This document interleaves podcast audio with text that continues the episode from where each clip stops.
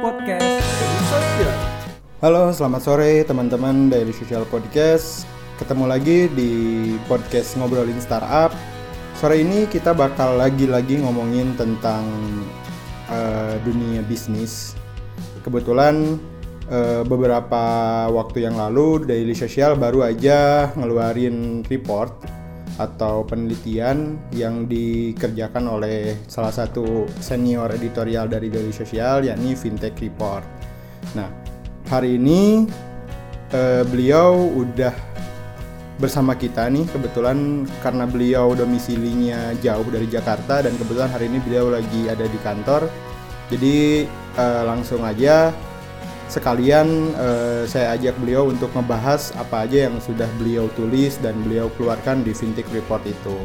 Nah, di depan saya udah ada Mas Randi. Halo Mas Randi. Halo, Eh, Mas Randi ini adalah senior editorialnya Daily Social ya Mas ya? saya eh, eh, pegang editorial untuk bisnis dan researchnya Oh, dari oke. sosial. Nah, teman-teman eh, masih berhubungan dengan bisnis dan masih berhubungan dengan fintech report yang baru saja atau beberapa beberapa waktu lalu Daily Social keluarkan.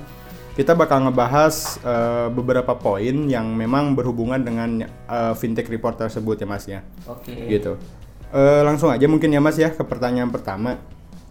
Setelah saya baca-baca nih, menurut Fintech Report 2018, tahun ini Daily Social.id atau Mas Randi itu mencatat ada subsektor yang paling diminati industri, yakni adalah fintech lending.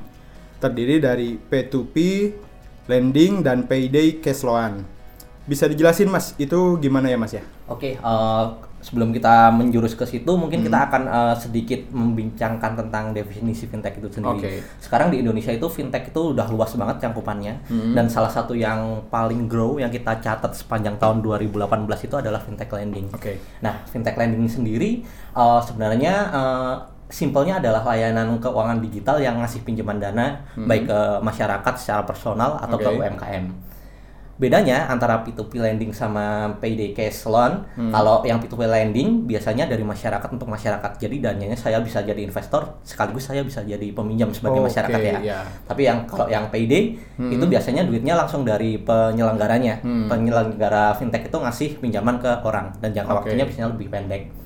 Nah, melihat soal minat ini kita juga bisa melihat dari dua sisi. Hmm. Yang pertama minat dari industrinya itu sendiri. Hmm, Sepanjang tahun eh, 2018 kalau eh, sebelum fintech report ini terbit, OJK mencatat ada 78 pemain fintech lending baru di Indonesia Selama yang udah 2018. terdaftar, ya bukan baru tapi yang udah terdaftar Oke. sampai 2018. Oke. Mereka udah punya license, udah bisa beroperasi di Indonesia. Oke. Nah, selama tahun 2018 sendiri ada 14 kali pendanaan startup di eh, sektor fintech dan Oke. 8 di antaranya itu adalah fintech lending. Oh, oke. Basically itu menjadi eh, dia ma- jadi mayoritas sih Ya. eh, di bisnis dan pemainnya memang sudah banyak banget. Apalagi kalau ngomongin yang belum punya izin dan macam-macam. Hmm. Nah, sementara di sisi konsumen eh, juga grow-nya cukup tinggi nih. Hmm. Eh, kalau misalnya kita tanya alasannya kenapa, ujung-ujungnya kemudahan akses. Mungkin eh, banyak orang yang kita tahu di Indonesia banyak orang yang belum punya rekening Iya. bank. Sementara kalau misalnya kita ke fintech lending, modalnya cukup foto KTP, KTP ya, iya. yang kayak gitu sih. Jangan lupa subscribe di soundcloud.com podcast Daily Social. Itu tentang eh, Fintech. P2P lending sama payday cash loan ya Mas ya. Yes. Nah, kalau menurut Mas Randi sendiri nih, apa yang apa ya penyebab yang misalkan P2P lending menjadi prima primadona di Indonesia sepanjang 2018 ini? Eh, kalau misalnya dari survei yang kita lakukan, rata-rata emang jawabannya paling tinggi karena aksesnya mudah. Akses mudah. Oke. kondisinya memang eh, unbankable atau orang yang belum punya rekening bank ini di Indonesia jauh lebih banyak. Ya. Dan beberapa kalau misalnya kita ngomongin di pelosok-pelosok itu orang kalau disuruh bikin rekening takut yang prosedurnya susah kayak yang eh, urusan administrasinya susah, belum Hmm. Iya. lagi potongan tiap bulannya yang Iya. kayak gitu kan kalau buat orang-orang yang rural eh, dianggap kompleks ya Iya, nggak kayak ribet kita yang ya, di, eh, ya. di Nah. perkotaan.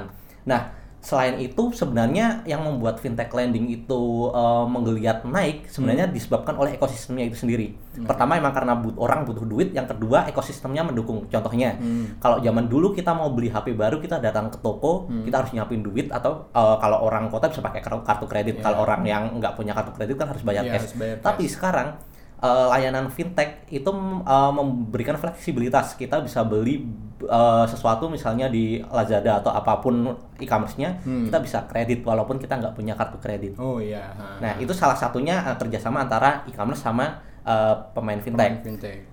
Bahkan eh, di luar e-commerce pun ada ada ada eh, layanan-layanan yang menawarkan kemudahan orang untuk mengakses eh, layanan kredit. Misalnya eh, kita sekarang bisa beli tiket perjalanan buat tiga bulan ke depan, tapi eh, bayarnya setelah kita Oh, setelah kita melakukan melakukan perjalanan itu. Nah, model-model seperti itu yang akan terus meningkat dan secara langsung atau tidak langsung pasti berdampak juga bagi eh, peningkatan penetrasi layanan Oke. fintech, terutama fintech lending.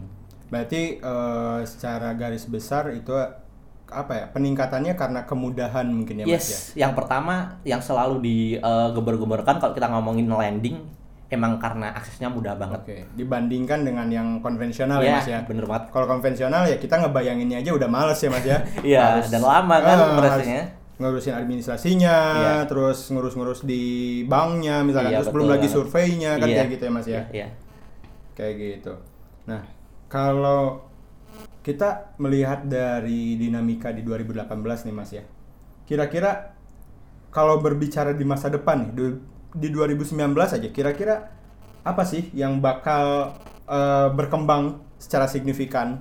Oke. Sektor mana gitu? Oke, eh, secara umum kalau misalnya kita melihat dari tahun ke tahun dari 2017 ke 2018 peningkatannya jelas signifikan ya eh, untuk industri fintech sendiri. Tapi kita harus melihat lagi ke faktor fundamentalnya bahwa fintech itu eh, bisa tumbuh karena didorong banyak aspek. Aspek yang paling mendasar itu justru di regulasi. Fintech itu banyak orang yang bilang fintech adalah extremely regulated industri, industri yang sangat diregulasi ketat. Oke. Di Indonesia eh, yang meregulasi fintech itu ada dua, ada Bank Indonesia dan ada OJK. OJK. Kalau kita ngomongin e-money yang meregulasi Bank Indonesia. Tapi Hmm. kalau misalnya kayak eh, P2P lending dan Yeah. sebagainya itu eh, di OJK. OJK. Eh, OJK.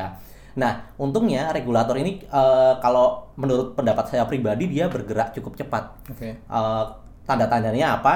Karena mereka eh, cenderung cepat dalam mengeluarkan regulasi. Misalnya ada isu perlindungan konsumen. Hmm. Perizinannya juga sekarang lebih cepat nih. Bahkan udah eh, tiap bulan atau bahkan beberapa minggu sekali selalu ada layanan fintech yang mendapatkan izin baik dari OJK maupun Bank Indonesia. Kalau dulu kan Susah terkenal terkenal susah karena sekarang eh, regulator sepertinya juga sudah me- melihat bahwa fintech ini bukan sebagai tanda kutip ancaman tapi eh, sebagai peluang. Jadi eh, eh, lebih longgar lah istilahnya. Fleksibel lah ya Iya, Mas fleksibel. ya. Lebih fleksibel ya. Nah, tahun 2019 ini menurut menurut eh, saya dan tim akan cukup menarik karena fintech fasenya udah level up, nggak cuma di dasar lagi, tapi udah eh, ke level yang selanjutnya.